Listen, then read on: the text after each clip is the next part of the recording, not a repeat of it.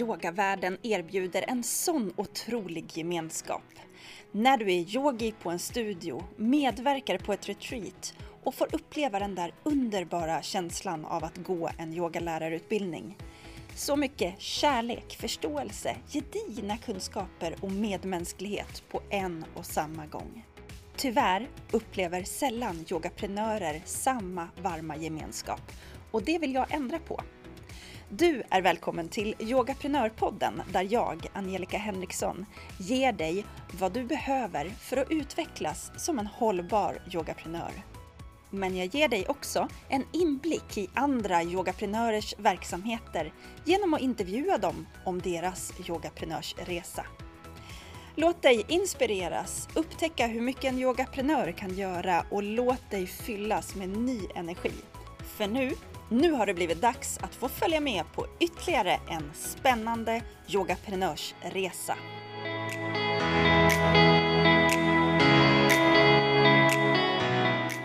Då säger jag hej och varmt välkommen till Yogaprenörpodden, Eva Seilitz. Tack! Jätteroligt att vara här. Superroligt att ha dig här. Kan inte du bara lite kort berätta vem du är och vad du gör som yogaprenör? Ja, jag har ju eh, blivit pensionär sedan en hel del år tillbaka, eller i alla fall sex år tillbaka. Och sedan dess så jobbar jag ju mycket friare eh, som yogaprenör kan man säga. Och eh, jag jobbar främst med Josefin Wikström och vi har utvecklat ett arbete framförallt inom rättspsykiatrin i Sverige och sen arbetar jag på Sveriges äldsta eh, hälsohem, eh, Masesgården, med olika typer av yogakurser kopplat till existentiella teman. För det är det jag brinner för. Jag bara tänker så här, vi börjar podden med att du gör de saker som alla skulle drömma om att göra när du är pensionär. Det här kommer bli ett spännande avsnitt. Tack för att du är här. Tack. Vi ska berätta för den som lyssnar att jag faktiskt har äran att ha dig här i studion också. Det är ju få förunnat att jag har möjlighet att sitta så här mitt emot varandra. Så känn dig extra välkommen. Ja men det gör jag verkligen och det är väldigt, väldigt trevligt att vara i den här fantastiska miljön. Så mycket roligare än att sitta hemma i sovrummet. Jag gillar det här. Ja. Ja, jag, jag tänker det finns ingen annan väg att gå än att börja från början. Kan du ge liksom det finns ju lite att prata om här, men kan du ge oss en liten del av resan? Hur, hur kom du in på yoga? Hur blev du yogalärare? Och hur blev du yogaprenör? Jo, men alltså man kan säga så här att jag var en ganska sökande människa och eh, jag tror min pappa pappa var lite orolig för mig när jag var i 20-årsåldern. Att jag gav mig in på eh, olika djupdykningar och inte riktigt eh, hittade eh, som jag tror han ansåg mer en tydlig väg. Och eh, han hade en kollega, min pappa jobbar med uppfinningar, och eh, eh, som tydligen var då väldigt skicklig yogalärare. Och min pappa visste ingenting om yoga men han hade intuition. Så han tyckte att eh, jag skulle pröva det här. Och eh, ja, efter en del tjat faktiskt från hans sida så tänkte jag, jag gör det. Och eh, det visade sig att jag hade en väldigt naturlig fallenhet för yoga. Och, eh, men det var lite dubbelt därför att det här var klassisk yoga och det var väldigt seriöst och det var eh, ja, väldigt disciplinerat och det var nästan ingen humor eller någonting. Så jag tyckte jag tyckte både var bra och lite tråkigt om jag ska vara ärlig. Men jag fortsatte. Och, eh, så jag höll på med det i några år och sen så, så småningom så gifte jag mig, fick barn, kom ifrån yogan. Men sen när barnen blev lite större så kände jag en längtan efter att börja igen. Och då bodde jag i Rimbo och eh, då var det en lärare där som hette Vilma, jag kommer inte ihåg vad hon hette i efternamn. Och eh, som var väl närmare 70-årsåldern och eh, hon bara konstaterade att jag skulle ta över hennes yogaverksamhet efter en termin. Och jag var helt perplex för jag hade sån respekt för yoga. Jag hade ju ingen lärarutbildning eller någonting. Men hon var så envis. Så jag gjorde det så började det hela och sen har det fortsatt. Wow! Nu ska mm. vi säga att jag är från Rimbo så vi har ju den kopplingen. Jaha. Mina föräldrar bor kvar där. Ja, så ja, vi har den samhörigheten också. Ja. Men eh, hur gammal var du då ungefär när du började? Ja, men då var jag i, alltså när jag tog, eh, när, när, mm. när jag började första gången, då var jag i 20-årsåldern. Mm. Så det var i, i slutet av 70-talet. Så det var ju eh, kan man säga när det hade varit lite sådär uh, new age-aktigt eller det var väl innan det egentligen men det var hippieaktigt att göra yoga kan man säga. Eh, men eh, lite efter den eran. Men eh, ja, eh, jag kände att det här var bra för mig. Mm, det, det gjorde jag. Ja, det gjorde jag. Men sen hade jag liksom inte det utrymmet att kunna ägna mig åt det utan jag kom var tredje år till den här klassen och de bara tyckte att jag var helt odräglig. De gick där tre gånger i veckan. Jag kom in vartannat, var tredje år och dök ner och gjorde yogan som jag bara höll, hade hållit på med den hela tiden. Så jag förstod ju att det här, jag har det ju lätt för mig. Inte i allt, men liksom eh, eh tillräckligt eh, bra för att kunna utveckla det vidare. Och, eh, så att sen när jag då eh, hade hållit upp kanske tio år så var jag då i 40-årsåldern när jag tog upp det igen. Och sen mm. utbildade jag mig, eh, men jag ska inte föregå dina frågor. Ja, ja det får du jättegärna göra. Det här är exemplariskt. Men eh, du fick liksom egentligen en liksom affärsverksamhet i knät då av den här Vilma innan du själv var redo? Eller? Ja, det kan man säga. Ja. Men jag hade ju så stor respekt för yoga så jag hade ju svårt att ta betalt för jag tyckte att det, det gör man ju inte. Det här är ju en, en, en andlig verksamhet. För mig var det liksom väldigt kopplat till det inre och eh, Eh, så att, men jag lärde mig, jag, jag gjorde det. Och sen så var det nog Studieförbundet, Vuxenskolan här i Norrtälje som anlitade mig. Och då mm. fanns det ju inte så många yogalärare. Utan eh, jag var väl en av de få. Så då började jag undervisa här i Norrtälje. Och sen blev det så att eh, de hade studieverksamhet i eh, Norrtäljeanstalten. Eh, och därifrån kom en förfrågan från eh, intagna att de ville pröva yoga eh, som en eh, annan form av träning. Och då blev jag tillfrågad om jag kunde tänkas gå in där som eh, yogalärare. Och då hade jag faktiskt fått ett uppdrag för Norrtälje kommuns ledningskontor som kvinnofridssamordnare. Och eh, då tänkte jag att så passande att jag kan få komma in i den här miljön och möta män som jag kanske inte vanligtvis möter och aldrig skulle ju yoga vara ett uppdrag i mitt kommunala uppdrag för att hitta bra behandlingsmetoder. Eh, så jag gjorde det på min fritid. Så eh, var jag där och undervisade och märkte på en gång, det här funkar det här går hem. Eh, och, eh, så mitt intresse för yogan fick en helt ny vändning i och med att jag fick komma in och vistas i eh, den här miljön. Det är ju helt otroligt Eva, verkligen. Alltså både att det är eh, tidigt, tidigare i tiden. Om vi tänker att yogan är inte lika flummig och hippie idag som den var då när du började. Och sen, eh, jag menar, jag och Josefin jobbar ju en hel del ihop. Hon brukar alltid säga att du fick in yogan på anstalten var ju lite som att liksom ta en fyrkantig kloss och försöka trycka in i ett runt hål. Men här kom frågan från dem först. Ja, de... det, precis, och det är det som är, har varit styrkan hela tiden. Och, eh, så att, jag menar, det tog ju flera år. Jag kom och de ville ha att jag skulle komma oftare så att det var inte bara en sommaraktivitet sen utan det blev eh, mer regelbundet och vi prövade också att använda yogan i kombination med andra behandlingsprogram. Och det visade sig vara jätte, jättebra. Så man kan säga att vi höll på där och prövade oss fram och jag tog fram lite yogamaterial och med hjälp av de intagna.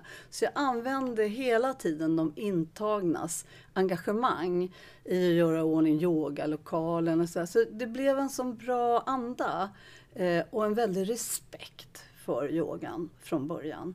Ehm, så att när det där hade hållit på i några år då kom det en signal liksom från huvudkontoret i, där man sa att vi kan inte bara ha yoga på Norrtäljeanstalten på det här sättet som en enskild verksamhet utan vi måste göra en utvärdering och antingen så eh, ska vi ha det för hela landet eller så ska vi inte ha någon yoga alls. Oj, Och då kom man i alla fall fram till att jo, men det är värt att pröva för det verkar ändå ha så pass gynnsamma effekter. Så att på det sättet så fick jag då ett nationellt uppdrag som yogasamordnare 2008. Eh, och eh, det är den första tror jag som har den titeln. Verkligen! Och jag då som ju är från Rimbo, jag har ju hört talas om dig från att du hade yoga i Rimbo och Norrtälje, bara sådär fluktuerat så. Och sen när det kom i kriminalvården, då, det var ju innan jag hade ett intresse för yoga, så var det ändå så här, där är coolt. Ja. Man förstod att det här är någonting väldigt, väldigt speciellt. Så det har ju bara varit en rolig liksom, omväg att jag sen hade lärt känna Josefin och så kommit den vägen och, och liksom ha dig i min omgivning kan man Precis. säga. Så jag är ditt fan. Ja.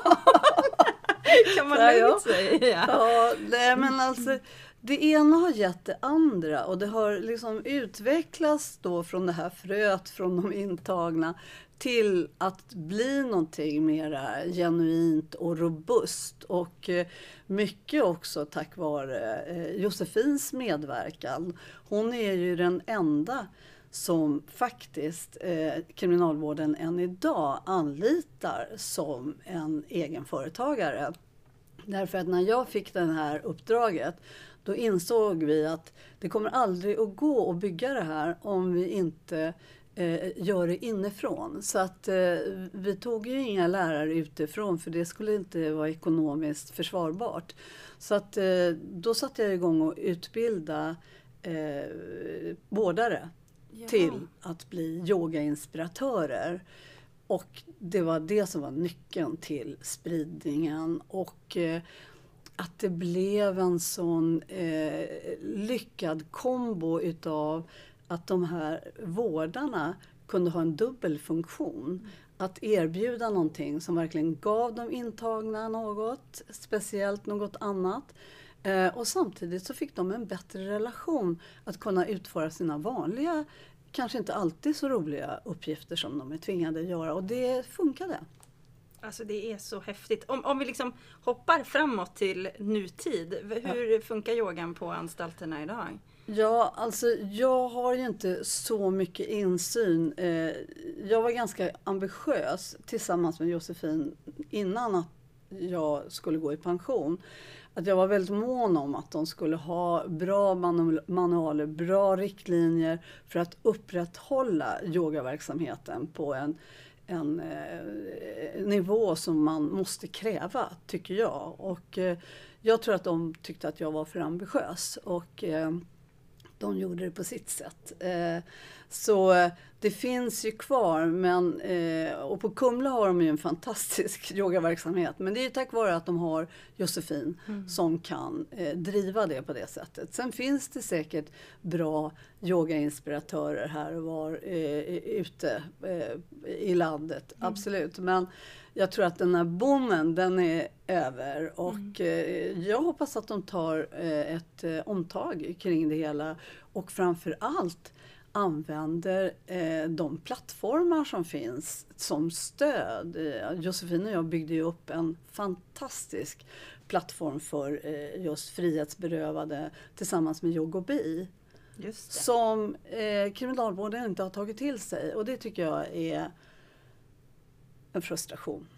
Vi skickar ut en önskan där ja, att det här ja. ska ta ett omtag. Men det har ju lett till mycket bra. Som du säger, i Kumla finns det fortfarande bra, mycket tack vare Josefin. Och sen om det är någon som lyssnar som är yogainspiratör för kriminalvården får ni gärna höra av er och berätta för det är roligt. Det vore jättekul för ah. att i, i och med att jag inte har så mycket kontakt längre så vet jag inte heller riktigt. Utan det kanske är mycket bra saker men jag tycker man ska använda tekniken som finns för att stödja den tanken som jag hade från början.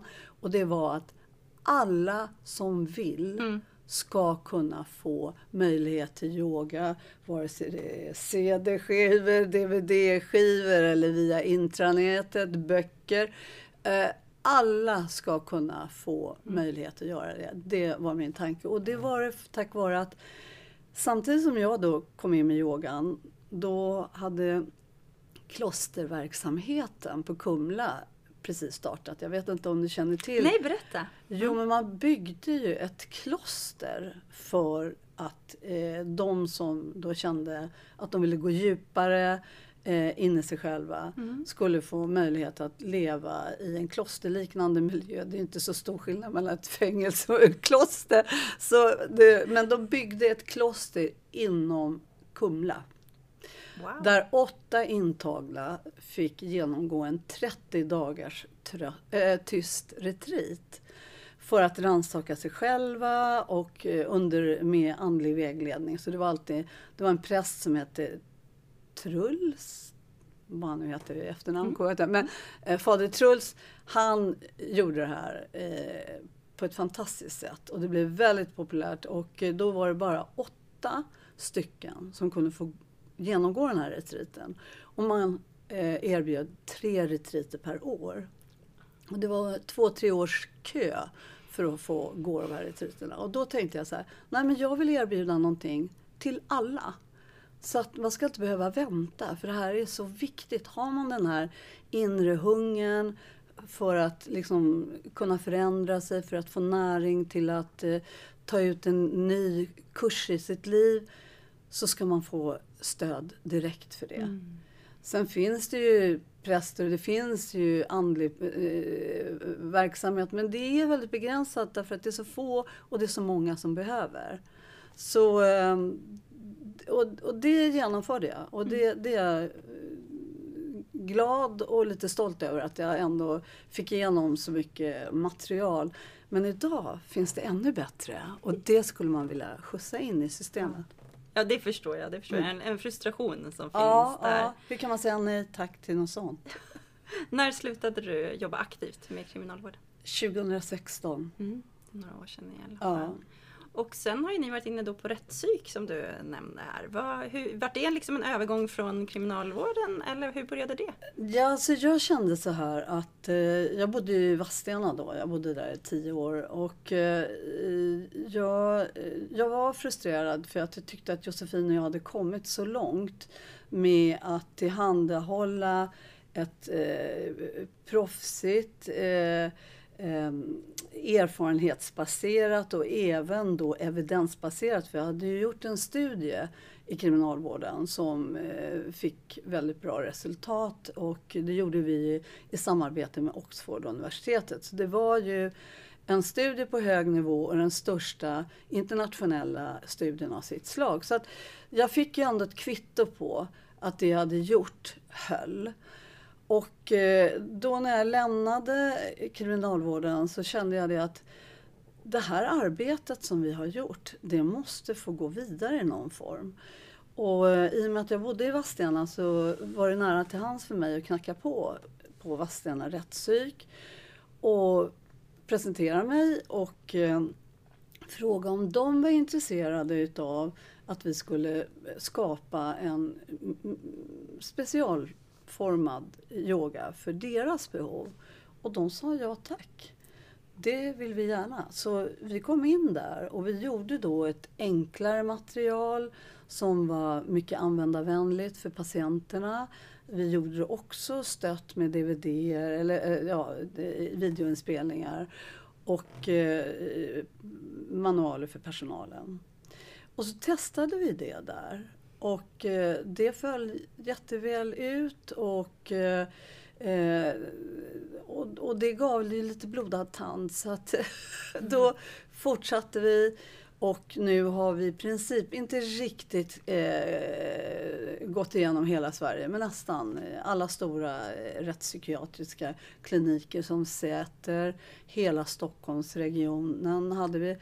Och det har gått så fantastiskt bra. Det har, det har varit så roligt att se eh, vilken öppenhet och eh, hur, vilken, vilken, eh, vilken eh, användning Mm. det här har eh, blivit till eh, de här patienterna. Så nu görs det en studie även inom rättspsyk på liknande sätt utav samma professor Nora Kerekes som gjorde studien eh, då inom kriminalvården. Och, eh, så, så det känns väldigt spännande och det blir ju den första studien i världen där man går in och studerar effekterna utav traumaanpassad yoga på eh, i, inom den här eh, miljön, inom rättspsykiatrin. Alltså. Och det här pågår i detta nu, den här studien? Det pågår nu. Mm. Ja. När förväntas den vara klar? Ja men det tar nog ett par år för att det är en lång resa och eh, den är ju precis påbörjad. Mm. Eh, så att eh,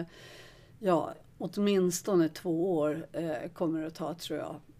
Kanske, studien i kriminalvården tog tre år. Ja. Det är ett rätt Så det är ett uthållighetsarbete. Som det så ofta är när det kommer forskning och evidens. Ja. Men det är väl fantastiskt? Ja, det, det gör att man får en annan status, att bli lyssnad på och det är inte bara baserat på anekdoter och levande berättelser för det, det gills inte. Nej, det gör ju inte det. Nej. Här visar man att det blir någon skillnad. Hur mycket jobbar du aktivt med just rättspsyk? Blir det mycket jobb att göra eller rullar det på nu? Ja, det, nu rullar det på. Det, alltså, det kanske blir som en eller två utbildningstillfällen per år. Eh, nu har vi ju nästan gått igenom alla kliniker, det är några kvar. Men eh, sen blir det ju mera uppföljning och eh, lite fortsättningskurser för att eh, stötta eh, de här inspiratörerna som jag gärna vill kalla dem ja. här också, ja. eh, för det är vad de är. Ja. Och det är det som är det fina, att de är inte professionella yogalärare utan de lär sig det här tillräckligt bra och då blir det en vi-känsla. Ingen är bättre än den andra. Det eh, och det skapar en väldigt eh, speciell direkt vi-känsla och gemenskap. Mm. Och eh, att det här gör vi tillsammans jag tror ju, nu chansar jag att fråga dig här, men jag kan ju tänka mig också att det ger mer effekter i form av att de här underbara personerna som jobbar i den här ganska tuffa miljön också får ett tillfälle av liksom återhämtning, medvetenhet, fylla på sina egna reserver. Känner du att de får liksom mycket Absolut. gott av det de gör? Ja, ja, ja, och det såg vi också inom kriminalvården. För där gjordes det en liten studie från eh, universitetet i Göteborg som tittade på effekterna hos eh, yogainspiratörerna. Så det vet vi och det säger de som vi nu jobbar med inom rättspsyk att de lär sig ju de här teknikerna som gör att de kan reducera sin stress och balansera eh, sitt liv bättre. Det är ju så, så underbart att höra. Ja, så det är vinna-vinna. Det är verkligen vinna-vinna. Och ifall mm. jag får sätta på mig så här yogaprenörhatten då och tänker mm. att vi vill skapa liksom hållbara affärsidéer och så. så. Det är ju inte för alla att driva eget företag och alla kan inte göra det utan man kan ju vara anställd finns begrepp som intraprenör, att man liksom är en drivande faktor som anställd. Och det är ju många inom just sådana här vårdyrken. Man har ett driv, man har en brinnande känsla av att man vill hjälpa andra. Och sen finns det ett ganska fyrkantigt system som ibland liksom hugger ner en lite mer. Man, man orkar inte ge över tid. Och där ser man ju hur yogan och inte minst den traumaanpassade yogan verkligen kan gå in och stötta den som vill hjälpa andra att orka och vilja stanna kvar och ge lite mer. Så ja, vilket jobb ni gör. Ja, och att de kan känna att, att de utvecklas som människor också. Att, eh, för det är det som ligger i yogans väsen och som tycker jag gör det så spännande. Mm. Det är det att vi blir aldrig färdiga, men vi får hjälp till att hela tiden förnya oss och stärka oss och eh, få nya krafter att eh, liksom, blicka framåt. Det är underbart verkligen. Ja, så om inte minst om två, tre år så träffas vi igen och pratar om forskningsstudien. Ja, men jag skulle gärna vilja prata om vad jag egentligen skulle vilja göra. Ja, men nej, absolut, jag tänkte bara att vi där. Ja, ja, ja, ja. För nu gör du ju så mycket annat. Berätta, vad gör du mer?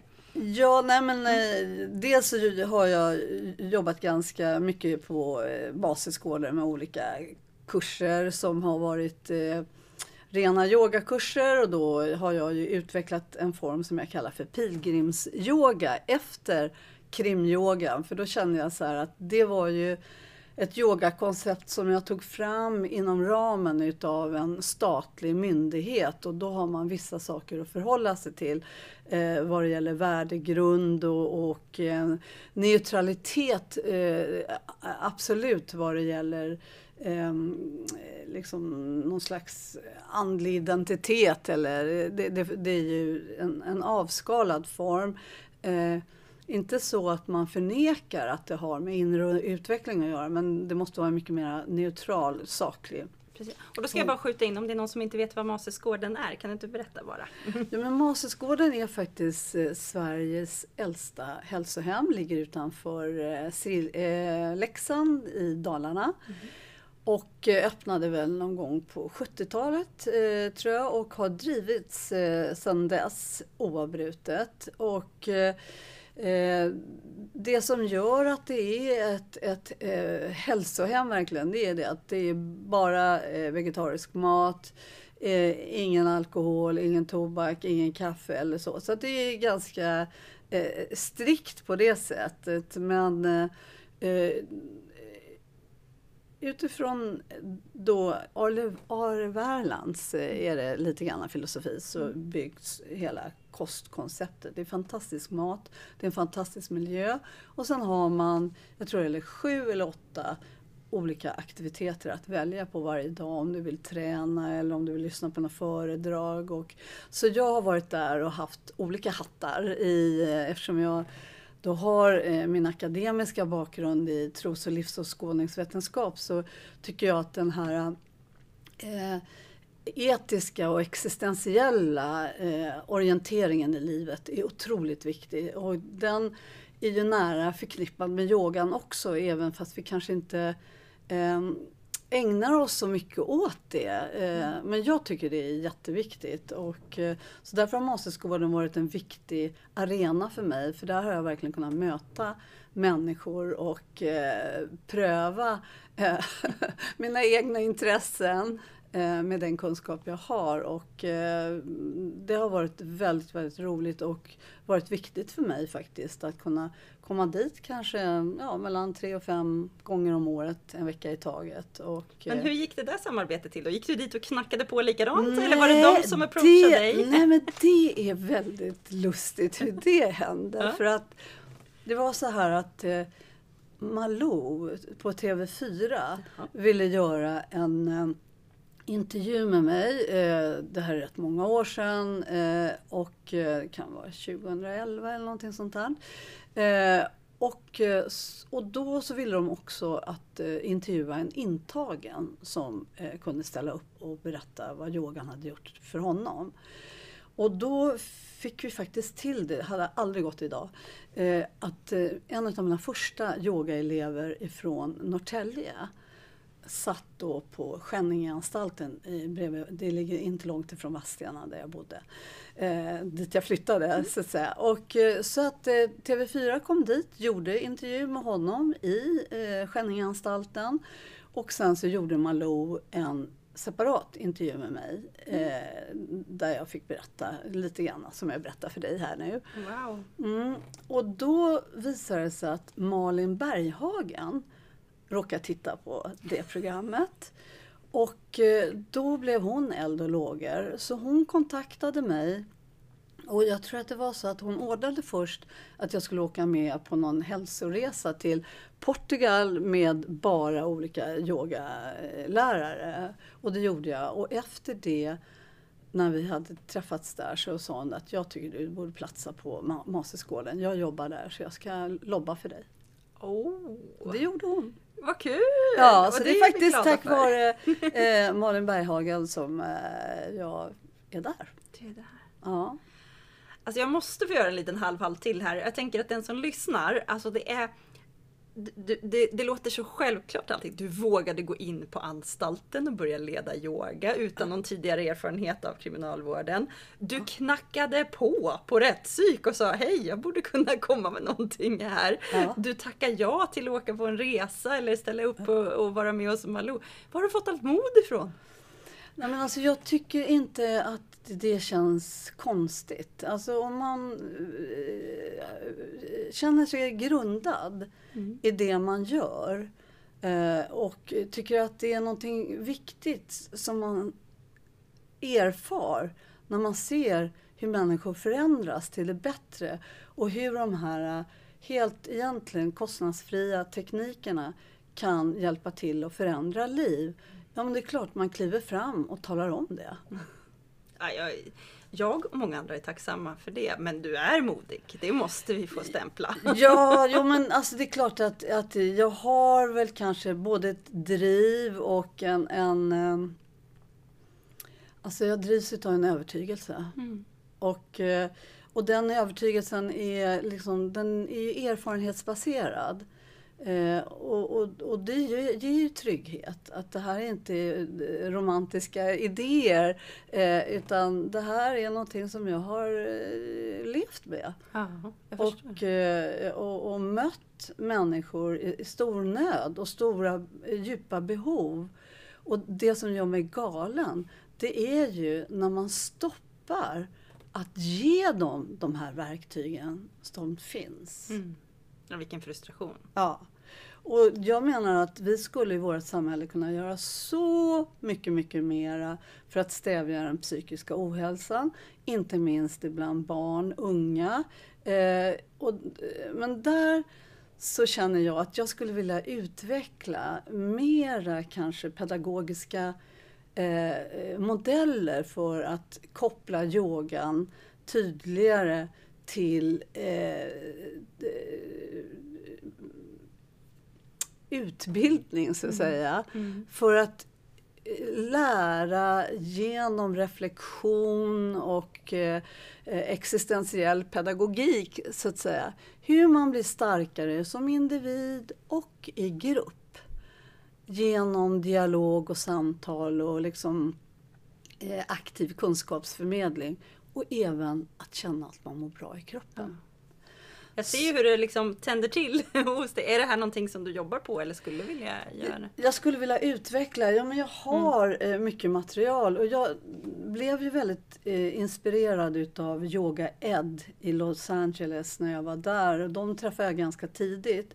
För de byggde ju upp yogaverksamheten i södra Los Angeles när det var som stökigast eh, på 80. Det var stora riots, jag kommer inte ihåg exakt årtal men mm. jag tror att det var på 80-talet. Och då eh, var det ju den här Tara Guber som hon heter som grundade Yoga Ed och Yoga Ed står ju för Yoga Educated. Och de fick ju in yogan som ett idrottsämne mm. i det vanliga skolcurriculumet. Eh, eh, alltså, läroplanen. Läroplanen, just det, just det, tack. Ja. Och det var ett eh, genidrag, tycker jag. Verkligen. Och jag tycker att vi borde kunna utveckla ett tillräckligt vederhäftigt mm. material som skulle kunna finnas inom skolorna hos oss mm. också. Ja, men det tänds ju så många glödlampor runt mig och vi har ju mötts ja. tidigare i barnyoga-sammanhang. Ja, men till alltså, det, det, känner jag att, att äh, där finns det mycket att göra. Äh, och speciellt för oss som har en bakgrund och har kunskap och erfarenhet mm. och äh, även redskapen. Så come on board! Absolut. Nej, men jag kan med, med yogaprenörshatten på så har jag, jag menar vi är inne på tionde året av barnyoga.com. Det är över 3000 ja. Eh, utbildade deltagare som nu kan leda barn och tonårsyoga och tonårsyogan och certifieringen lutar ju på Josefins eh, traumaanpassade yoga så det finns ju ja. den här grunden där. Ja. Jag har ju valt just den här passionen som du har för att liksom nå de här som verkligen behöver det. jag har ju fått leta efter min passion och den mm. kom i att jag har väldigt svårt för att, att ge mig in i de här fyrkantiga liksom, institutionerna mm. och, och, så. Mm. Jag, jag, vet att jag slocknar så ja. fort att jag har valt att vända mig till privatpersoner. För då blir det ju istället, jag menar en tredjedel av mina deltagare är ju skolor och förskolor som betalar för sina medarbetare som kommer till mig. Men jag behöver inte sälja in mig till skolorna till exempel, utan det kommer då från privatpersonen som jobbar på skolan som vänder sig till sin rektor till exempel. Eh, det gör ju att jag ligger utanför läroplanen men jag kan ju ge verktygen som de kan använda in sen. Där har ju jag fått landa i mitt för att det måste ju, precis den här glöden du har haft, man måste ju ha glöden för att orka som yogaprenör, att orka jobba vidare. Och där har jag bara fått stoppa, men jag, det tänds ju många glödlampor när vi pratar. Men jag tror att det där är ju fullt görligt. Att i och med att du har byggt en sån gedigen plattform, mm. den kan man ju utveckla och erbjuda eh, ytterligare eh, steg utav barn och tonårsyogan mm. där man lägger på den här eh, mera existentiella dimensionen och eh, koppla den till yogan eh, på ett spännande sätt. För det måste ju vara någonting som är attraktivt för de här barnen och, och både roligt men samtidigt ger dem en utmaning eh, att eh, tampas med. Mm. Eh, så det skulle jag tycka var otroligt spännande för att eh, jag tror att behoven kommer inte att bli mindre. Nej, det kan man ju tyvärr säga. Men, men ändå om vi inte tänker på allt det hemska som händer så är det ju ändå längtan efter. Alltså det var det första som hände hos mig när jag kom i kontakt med barnyoga. Då i nästan 30-årsåldern fick jag kontakt med barnyoga. Ja. Fick jag den känslan varför har jag inte fått stöta på det här tidigare? Varför har jag inte fått de här tankarna, kunskaperna, verktygen? Eh, när jag som liten var, var liksom rörig, var väldigt liksom ordningsam ut, utåt sett så ingen ja. tyckte att det var något problem men inuti var det väldigt rörigt. Och sen in i tonåren där man liksom bara, jag bara längtade efter att vara perfekt överallt, det blir jätte, jättejobbigt. Och så kommer de här verktygen och man bara så här, Jaså, är det så här härligt livet kan vara? Varför har ingen sagt det här till mig förut? Det är ju mina drivkrafter, barnyoga.com. Och det är fantastiskt. Jag menar, du har ju gjort ett enormt arbete där och eh, jag tror att det finns ännu mer att göra. Jag är övertygad och jag blir inspirerad när du drar dina för du har ju klarat av det där att få in den fyrkantiga klossen i det runda hålet. Ja, och jag tror att man ska vara väldigt realistisk också. Så, att, eh, så här jobbar jag för att kunna bibehålla min arbetsglädje mm. och mitt driv. Och, eh, jag tror att eh, vår byråkrati är dessvärre ännu mer komplicerad idag än vad den har varit. För jag hade tur. Mm. Jag kom in i kriminalvården medan det fortfarande var ganska högt i tak, medan det fortfarande fanns en frihet att satsa på någonting som eh, var ganska annorlunda. Mm. Eh, så jag hade rätt timing, eh, rätt personer som backade upp mig på huvudkontoret. Eh, skickliga tjänstemän.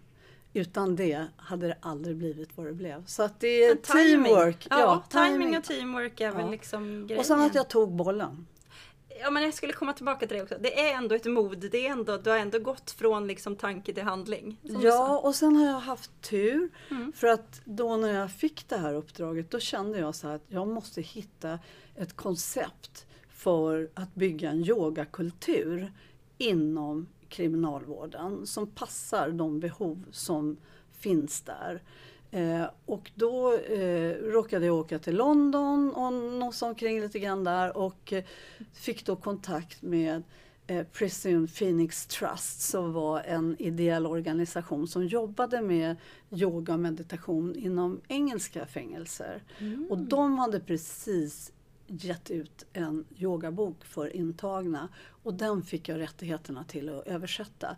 Så det blev den boken som vi använde och som vi utgick ifrån med våra eh, videoinspelade program. Och så, så jag hade det som bas och det var det som studien också byggde på. Det var deras eh, yogaprogram. Eh, eh, men sen när vi hade hållit på med det eh, då ja, nästan tio år, åtta, åtta år, då kände jag så att nu behöver jag förflytta fram positionerna med nya program, lite mer utmaningar och för att det är ju många som har yogat i många år och då måste vi eh, liksom kunna ta det här ett snäpp till. Och då fick jag kontakt med Prison Yoga Project mm. i USA. Mm. James. Eh, James. ja, och skrev till honom och eh, Eh, kriminalvården var inte så intresserad och stöttade mig, eh, och stöttade mig med det. Så då åkte jag själv och eh, träffade honom. Och allt var ordnat för att jag skulle komma in på San Quentin med honom men det hade strulat till sig så jag kom aldrig in. Nej, av rent byråkratiska skäl? Ja, ja, ah. ja, ja, det var fel i... Ja, det, det, var, men i alla fall det var rätt lustigt. Jag satt utanför så jag kände jag får tänka att jag är som en, en, en anhörig som inte blir insläppt för sånt händer. Liksom. Får ta det här som en yogisk prövning. Men hur som helst. Eh, det gick bra. Josefin åkte nästa gång och hon kom in. Då rullade de ut röda mattan för henne istället för att de hade insett att de hade gjort bort sig. Men du vet, allting har en mening. Eh, men då fick jag kontakt med James eh, och det gjorde att då eh, började vi att införliva deras program i, i eh, kriminalvården och där hakade Josefin på och sen gick hon vidare och vidareutbildade sig eh, i, i USA med sin traumaanpassade yoga. Så hon har ju fört så att säga eh, arvet vidare och utvecklat det och gjort det mycket, mycket mer specificerat för olika diagnoser. Olika, så att det har ju hänt otroligt mycket. Sen. Alltså jag måste bara ändå backa bandet lite här. Du sa såhär, jag har tur och ramlade över ett material i England. Alltså det är ju inte tur, du har ju ändå haft riktning. Du har haft ögonen öppna för siktet inställt. Du visste inte ja. vad du skulle hitta troligen, men Nej. du hade ju en tydlig syn. Så jag menar absolut att det känns som tur och tillfälligheter. Så jag, blev, jag blev välsignad under vägen att få ja. det jag sökte. Ja, visst. Men det är klart, alltså jag, jag stack ut hakan ja. själv och eh, liksom aktivt började att fråga. Det här hade ju inte hänt om du satt kvar i Rimbo och ledde yoga på måndagkvällar höll jag på att säga. Nej. Men man bara, jag bara vill lyfta det för det är lätt att säga så här, eller jag förstår ju, hos dig så blev det ju, det blev tur. Men det är också motgångar. Du har åkt ända till San Quentin och kommer inte in. Vem som helst hade ju kunnat kasta in handduken och säga nej men nu ger jag upp. Där hade man kunnat kasta in handduken. men det gjorde inte du. Nej, jag tänkte så här, vad lär jag mig av det här? Ja. Och eh, det blev en rolig historia. Verkligen! Ta med sig. Det är bara så roligt. Jag sitter ju dagligen och coachar yogaprenörer som man är rädd, man tycker att det är läskigt, sticka ut hakan, ta bollen, springa. Och jag rabblar det här action before perfection. Du måste göra. Handling skapar klarhet. Du behöver ta kontakt med det. Du behöver knacka på dörren. Du behöver fråga. Du behöver säga ja till det var ju inte jättetydligt att att säga ja till Malou skulle leda till att du fick jobb på Masersgården. Den hade vi ju inte nej, sett. Nej, nej, nej, alltså synkroniciteten i hur saker och ting händer. Men det är det, man måste våga. Och man måste våga misslyckas. För jag vet ju inte om jag, jag, jag kan ha ambitionen naturligtvis att göra mitt bästa, men jag vet ju inte hur bra det blir. Men jag tycker Sivanandas ord är så himla bra. Do your best, leave the rest. Alltså vad mer kan jag göra? Vad mer kan man göra? Ja. Ja, det tackar vi för. Vill du skicka med någonting till dem som liksom står, man kanske är en erfaren yogalärare men man kanske tragglar på lite med liksom drop-in klasser på en studio eller så. Nu börjar man känna att man kan mycket och vill göra någon, någon större skillnad. Har du någon tanke på vad man kan göra? Vad ska man, hur ska man tänka? Ja, men jag tror att man eh, behöver vara ärlig mot sig själv och känna att om man börjar gå på tomgång eller autopiloten börjar styra eh, då tycker jag man ska ta ett break och göra någonting annat eller liksom försöka fortsätta och, och utveckla sig själv. Eh, om man har möjlighet att göra det. Utmana sig själv. Och, eh, jag har tröttnat på yoga många gånger. Eh, men kommer alltid tillbaka. Mm. Eh, och jag känner mer och mer tacksamhet över att jag hade nåden att hitta det så pass tidigt och hur det har hjälpt mig egentligen att kunna känna både en, en, en trygghet i mig själv, att kunna hantera den värld vi lever i och inte minst nu med allt eh, osäkert och, och, och, och, väldigt mycket negativa egentligen eh, inslag mm. i. Eh, att, att då kunna dra sig tillbaka inåt och eh, ändå med så enkla medel kunna återerövra sitt inre lugn och eh, känna att man ändå kan hålla ihop sig. Det låter som att man skulle kunna åka till Masesgården och hänga med dig en vecka någon gång ibland. Det får man gärna göra.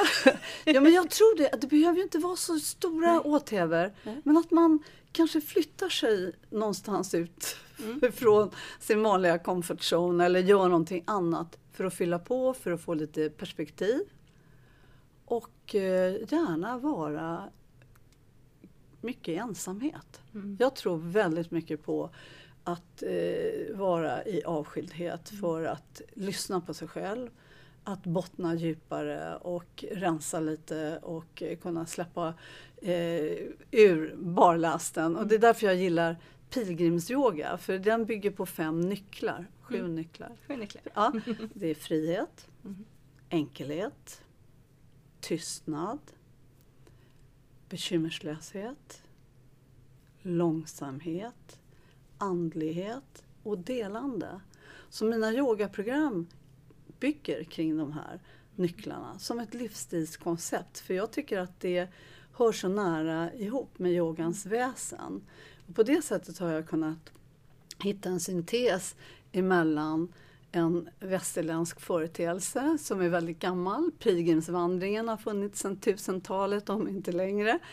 Och då yogan. Och det där har blivit en bra eh, kombo för att kunna förena det österländska och det västerländska som har varit viktigt för mig också. Att, eh, hur kan jag utifrån den kulturkontext som jag har vuxit upp i kunna eh, ta och gifta ihop yogan på ett bra sätt. För att det har varit så mycket kritik eller motstånd och okunnighet. Och så. Mm. Men det här blir ett enkelt sätt att visa att men det här är två sidor av samma mynt. Är det bara du som håller på med det här konceptet eller har du utbildat fler i det? Nej, det har jag inte gjort. Alltså jag har inte hunnit. Jag har, inte, jag har bara känt att det är en ärlig form mm. för mig att eh, eh, undervisa. Mm.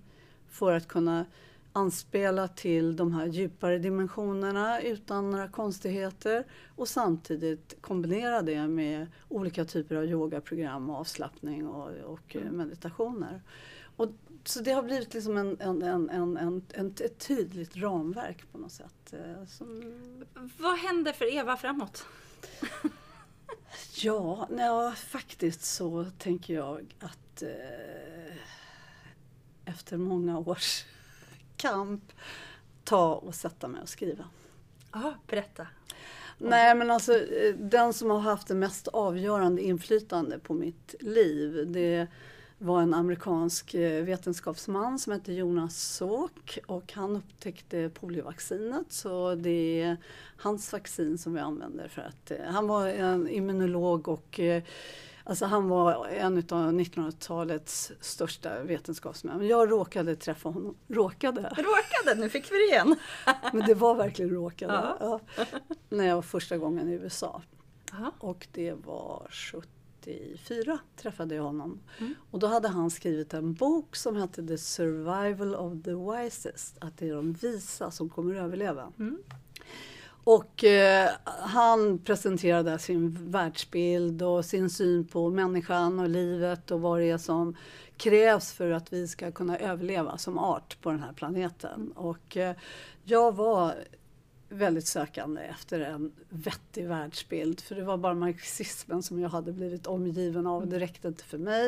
Jag kände det där, är det bara det då vill jag dö hellre. det var, jag tyckte det var, det var inte, passade inte mig.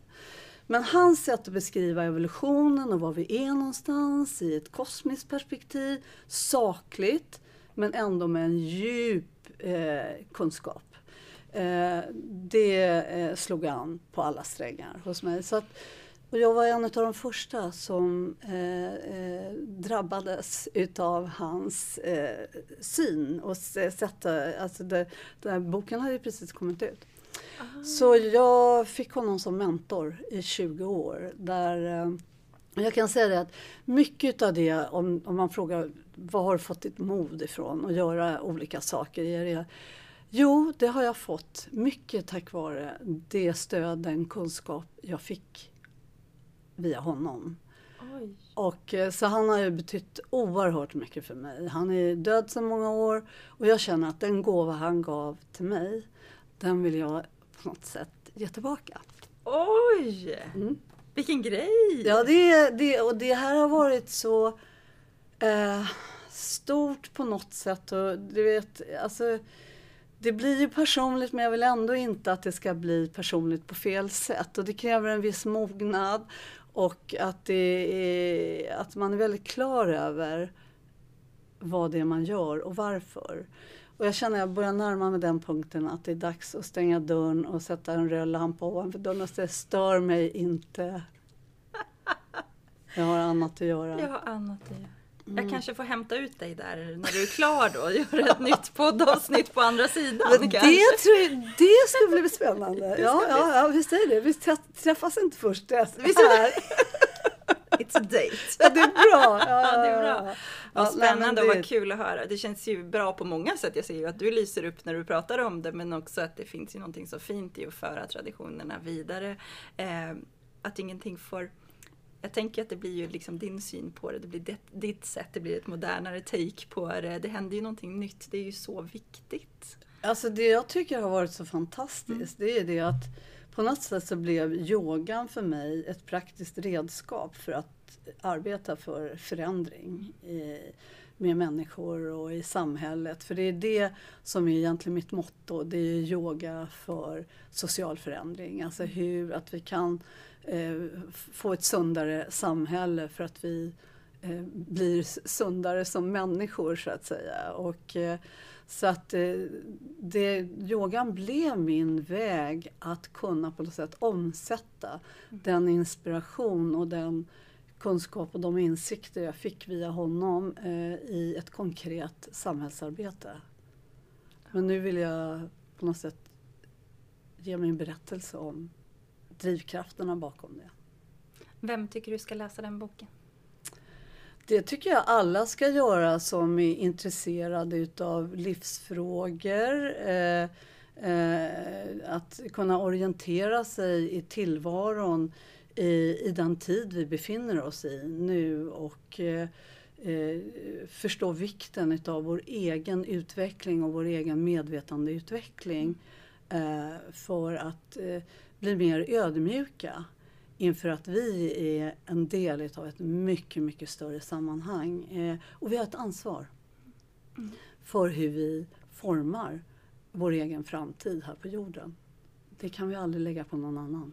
Det känns som en bred målgrupp ändå. Ja, eller Ja, hur? men det behöver en bra inramning för att nå fram. Precis, precis. Finns och det en- kan vara två böcker. Det kan det vara. Ja. Finns det någon titel eller något arbetsnamn? Ja, jag, jag, eh, min inre resa via Jonas Salk Mm. eller min andliga resa via Jonas Salk. Alltså han öppnade eh, eh, dörrarna till Mm. mitt inre eh, genom sitt sätt att tänka. Men så tydlig blir kopplingen till honom. Det kommer Ja. verkligen liksom... Jo, han var avgörande Mm. för han gav mig en helt ny skjuts, en helt ny vändpunkt i en känslig ålder när jag var 20 och verkligen ville förstå vad handlar det här livet Mm. om och vad är min uppgift här på jorden. Ja, det känns som att vi skulle kunna prata länge, men jag tror att vi i alla fall har två dejter inplanerade. Det är när boken, en eller två böcker är klara och när rättspsykeforskningen är klar. Ja, Jag och sen har vi det här barnprogrammet. Och så har vi barnprogrammet. Vi ska... Kommer bli många dejter här. Eller hur? Jag tackar så mycket för din tid och att du för, alltså, öppenhjärtligt delar med dig. Det är en fröjd att få höra eh, saker ur ett perspektiv. Jag förstår ju att du har varit med om massa jobbiga saker. Liksom, det är ju upp, toppar och dalar hela tiden men man ser att på, i det långa loppet så liksom att vara på rätt ställe, att säga ja, att våga, att testa, ta bollen tycker jag är ett jättebra uttryck du nämner. Och tro på det du gör. Ja, det är Det- det vi behöver. Jätteviktigt. Ja. Jätteviktigt att inte ge upp även om man möter motstånd. För det är då man prövas också i sin inre robusthet. Men ta ett kliv tillbaka, återhämta dig, stärk dig och gå vidare. Exakt. Om man vill veta mer om dig, vad får man tag på dig innan boken är ute? Eh, ja, alltså, jag har en hemsida som eh, finns där eh, och det är pilgrimsyoga.com. Ja, Där får man alla uppgifter och där finns ja, det mesta. Och Ja. skulle man vara sugen på Masesgården så kan man kika in där och se när du hänger där. Absolut, Eller- jag är där nästa vecka. Ja, du ser. Ja, det blir, Existera mera är mitt eh, tyvärr tema. hinner den här podden inte släppas innan dess, så ni får gå in och kolla på aktuella datum. ja, ja, okej. Tusen, tusen tack Eva för att du har varit här. Tack själv.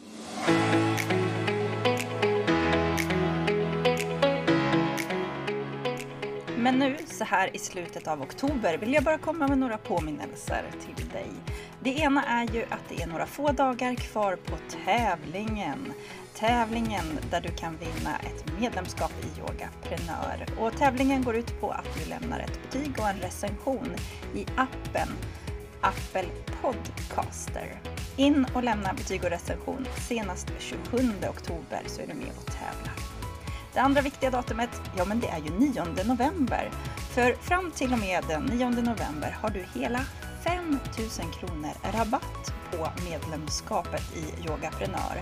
Så står du där och är redo att ta ditt företagande till nästa nivå och vill vara med mig och de andra drivna yogaprenörerna från 1 december där vi tar in ett nytt gäng i vår gemenskap, ja men då ska du inte missa det här datumet.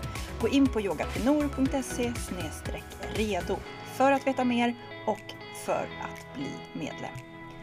Men nu tackar jag för mig och berättar att nästa avsnitt, ja, det är det hundrade avsnittet av Yogaprenörpodden. Det vill du inte missa. Sätt en påminnelse, prenumerera på podden i den appen du använder så att du hela tiden blir påmind om när nästa avsnitt kommer. Nästa vecka blir det åka av. Till dess, ha en fantastisk fortsättning på dagen. Tack för nu.